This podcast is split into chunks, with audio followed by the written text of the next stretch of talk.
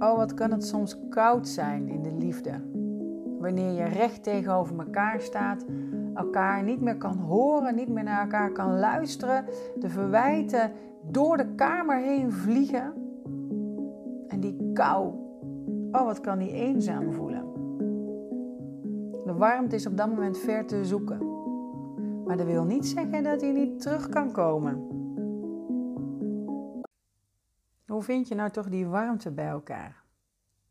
In deze podcast deel ik vier tips voor jullie liefde.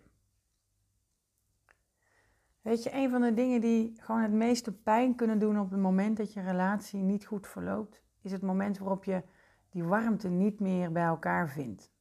Je voelt dat de ander steeds verder wegraakt, geen gehoor geeft aan jouw behoeften en verlangens. Of, of misschien je wel gewoon letterlijk afwijst. Hoe vind je dan weer die warmte bij elkaar? Hoe kun je elkaar weer zien? Meer ruimte maken voor jullie liefde. En dat is soms echt een ongelooflijk moeilijke klus wanneer je steeds weer in gedoe terechtkomt samen. Ruzie krijgt om het minst of geringste en de ijzige stilte oorverdovend wordt of de verwijten je keihard om de oren slaan. En het allereerste wat je dan samen te doen hebt, of misschien zelfs nog wel beter apart eigenlijk, um, want anders kom je misschien weer meteen in gedoe terecht, is dat je gaat ontdekken en dus uiteindelijk ook echt weten wat er nou precies gebeurt tussen jullie. Wat is jullie mechanisme nou? Wat zijn ieders triggers en welke overlevingsstrategieën zet je daar keer op keer weer op in? Het is belangrijk om zicht te krijgen op hoe en waarin je elkaar raakt. En dit kun je natuurlijk zelf onderzoeken. Maar vaak is dit voor een stel dat uh, bij mij in mijn praktijk komt al een enorme pittige kluif bij de start uh, van de relatietherapie. Omdat er meteen van je gevraagd wordt te kijken naar die ander. Waar raak ik de ander in? Terwijl je zelf nog zo geraakt bent. Ja, en hij dan? Ja, en zij dan? Laat staan dat je dat dus doet zonder dat er iemand bij is die, uh, die dit liefdevol kan begeleiden.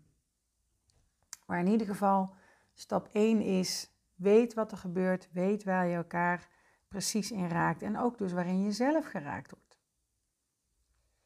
En dan volgt er een hele belangrijke, maar soms ook echt hele moeilijke tweede stap. En dat gaat over compassie.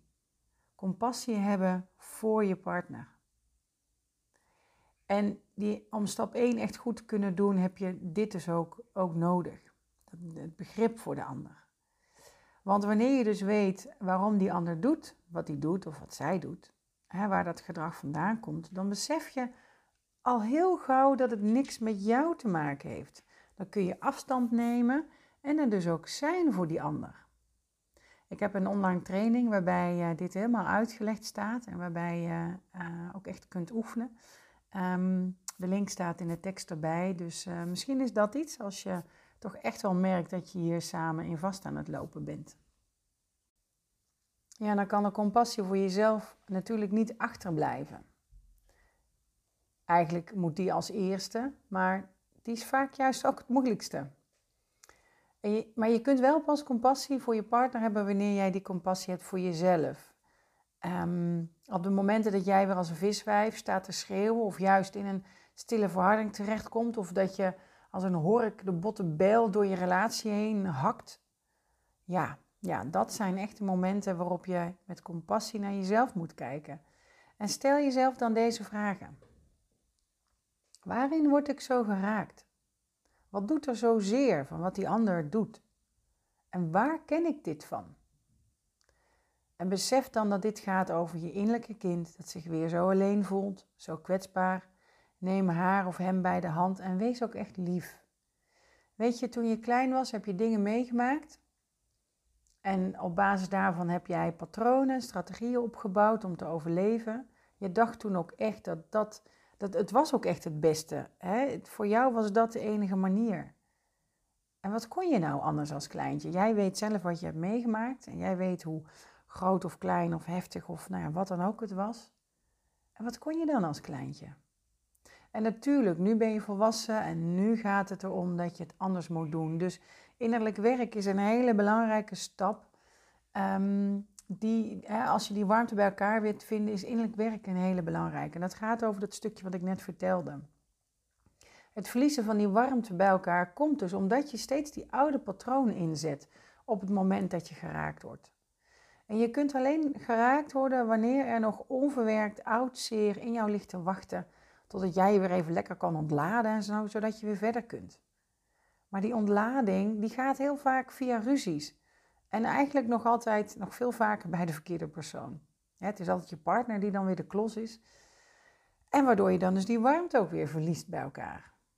Nou, het voorkomen dat je dus die warmte verliest bij elkaar samen, dat vraagt dus om eigen innerlijk werk. Ja, en het beste doe je dit allebei, maar dat is geen keiharde voorwaarde. Soms is de ander er gewoon nog niet aan toe en er verandert al heel veel wanneer een van de twee het eigen innerlijke werk doet. De ander verandert altijd op een bepaalde manier mee. Innerlijk werk is dus de sleutel om de warmte te vinden bij elkaar. Ja, dit werkt allemaal pas wanneer je ook die warmte bij jezelf kunt vinden. Mijn volgende podcast die gaat daar natuurlijk over. Is het tijd voor jullie liefde? Is jullie warmte te veel bekoeld voor je gevoel en wil je hulp bij het elkaar weer terug kunnen vinden? Je kunt een gratis partnertest doen, hè? dan ontdek je waar je staat in de liefde. Ik had het al eerder over de online training. Die is heel fijn, waardoor je echt inzichten krijgt die eh, misschien heel anders zijn dan dat je tot nu toe nog kent. Hè? Dus het zal, het zal een frisse blik kunnen geven.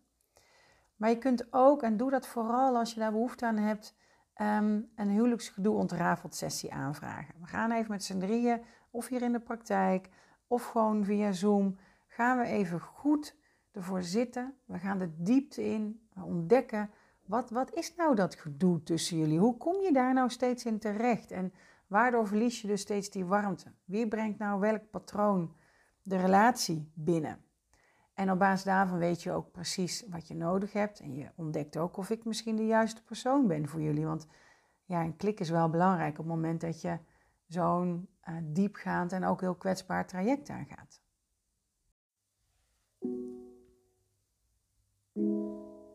Ik ben niet alleen. Ik dacht, als ik maar samen ben, dan ben ik niet alleen. Ik dacht, als ik maar samen ben, dan kan ik alles aan. Maar het is juist jij die me zo pijnlijk laat zien dat samen soms zo alleen kan zijn. Dat samen niet altijd hetzelfde is als samen sterk. Want wanneer jij doet zoals mijn vader deed, wanneer jij zegt wat mijn moeder zei, word ik stil. Weet ik niet meer dat ik een stem heb, dat ik net zo groot ben als jij dan ben ik even kwijt wie ik ben. Nu weet ik, als ik mezelf lief heb, dan ben ik niet alleen. Nu voel ik, als ik stop met aanpassen, dan ben ik sterk, heb ik een stem. Nu besef ik, wanneer ik voor mezelf sta, zijn wij samen sterk.